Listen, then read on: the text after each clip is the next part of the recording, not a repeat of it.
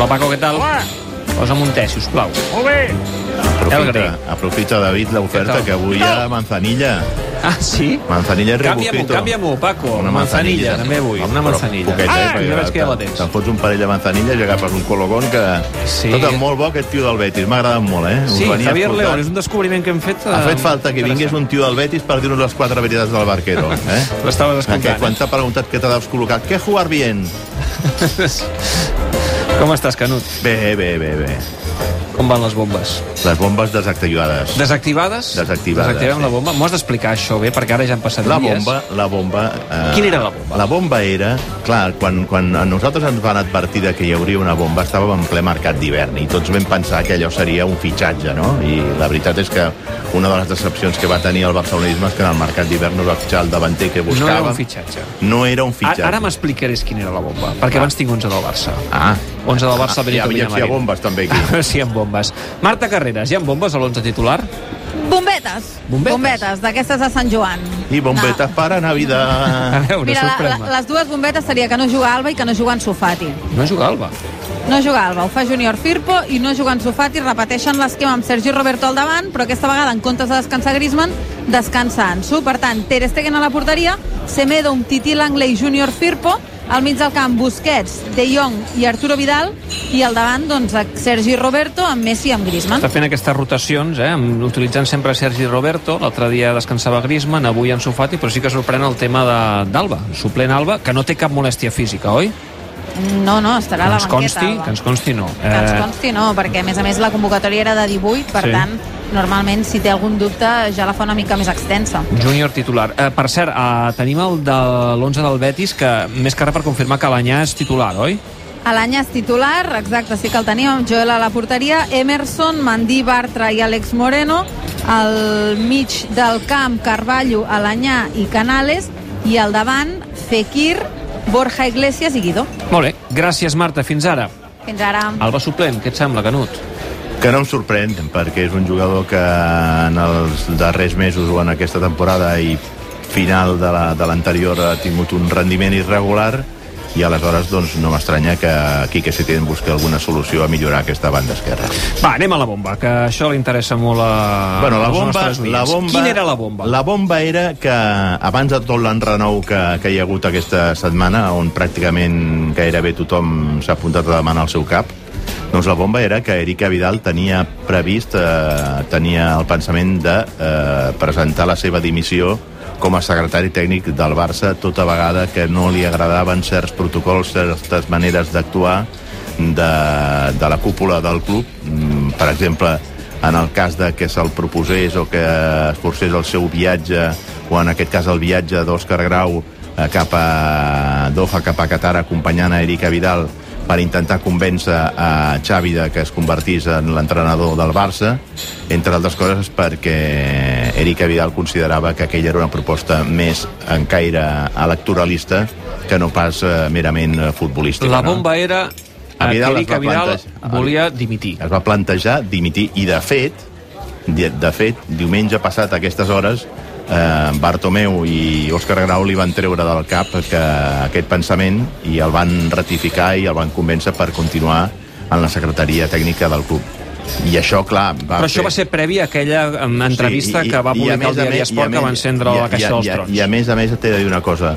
Les declaracions de Vidal no van ser una pataleta o una manera de precipitar o de forçar la seva dimissió, sinó que era una mica el pensament que tenia, que tenia Vidal. És a dir, no és que Vidal busqués una reacció de la directiva perquè el fessin fora o és que tingués la intenció No buscava de, de, de, burxar, de, de burxar en el, en el vestidor, sinó que era el seu pensament. De fet, recorda que quan es va presentar Quique Setién, ya en aquella roda de prensa ell va dir he visto caras diferentes en el entrenamiento y el, el ánimo de los jugadores ha sido diferente. Per tant, mm, més o menys venia a dir doncs, que al- als jugadors els hi havia sentat bé el canvi de- de- de- de- d'entrenador.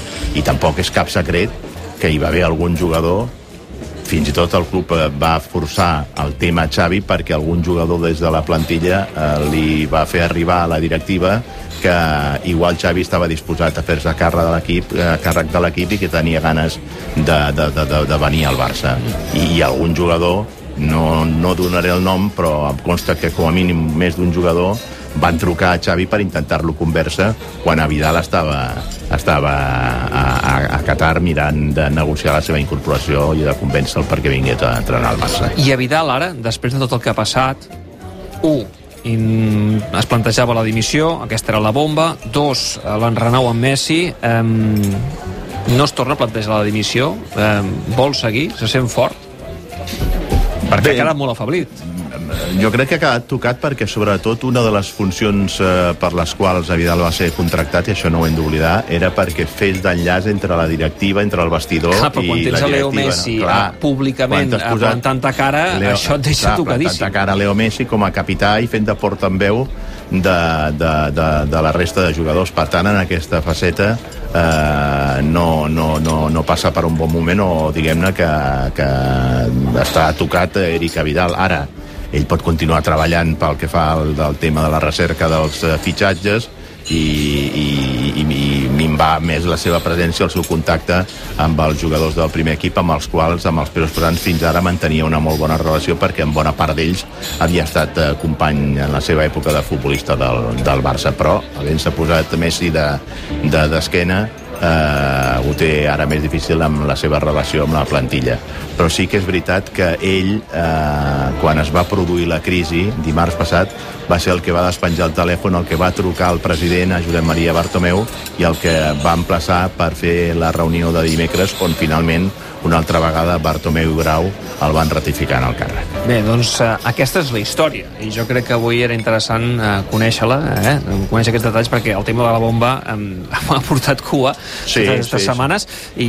Sí, el que passa que em sap greu que jo diumenge passat no et vaig poder desvetllar quina era la bomba, No, home, perquè no. la bomba en aquells moments estava activant-se o desactivant-se en aquella reunió que em constava que s'estava fent al, al, Jo crec a que la si recuperes l'àudio de la setmana passada s'intueixen coses, eh? I ara sabent el que Bueno, tu, tu, hem i, explicat... i, i tu ja m'anaves estirant, ja. deixem-ho aquí, deixem-ho aquí. Canut, escolta, me'n vaig cap a dalt, que d'aquí no res comença la, la TDT. Què farà avui el Barça? Tot el que no sigui guanyar, xato, Sí. malament, malament ratlla. El Madrid no ha fallat, ja ho has vist, eh? el Madrid, eh, allò, sense, sense despentinar-se gaire, va guanyant, va sumant punts. Ahir em vaig trobar Puyol. Ah, sí? Sí, em vaig trobar Puyol a, I què, què diu? a, en una terrassa de, de, de Calella a Palafrugell, on ell hi acostuma a anar-hi, i un senyor se li va acostar i li va dir escolta'm, per què no us feu càrrec tu i el Xavi d'aquesta situació de l'equip i tal? I ell, I ell va dir no, no, no, això ja, ja, ja, ja ho faran els jugadors i tal. I ell està convençut de que diu que el Barça ho, traurà endavant. Ah, sí? Sí, sí, i em va dir, perquè jo sempre he estat una persona molt positiva, però estic convençut que es traurà endavant, que el Barça guanyarà la Lliga, Ah. perquè tampoc els altres és que estiguin en un gran moment. Aquesta és una teoria que veníem, defensen veníem també de l'eliminatòria al Madrid a, a, contra, contra la Real Societat. Jo crec que entre els dos es van fent de balsa amb el Barça i el Madrid, no? Perquè, déu nhi l'ensopegada al Madrid a, a la Copa contra la Real perdre una eliminatòria que jugaves a casa, no? Sí, segurament aquella eliminació va fer que la del Barça no fos tan dolorosa. Però també l'eliminació del Barça va fer que no fos tan dolorosa la del Madrid. També, eh? Per això exacte. et dic, es van fent de balsa amb els dos. Massatges per tots dos. Canut, la setmana que ve tornem a parlar. Vinga, Gràcies per les explicacions. Una abraçada. Adeu, Paco.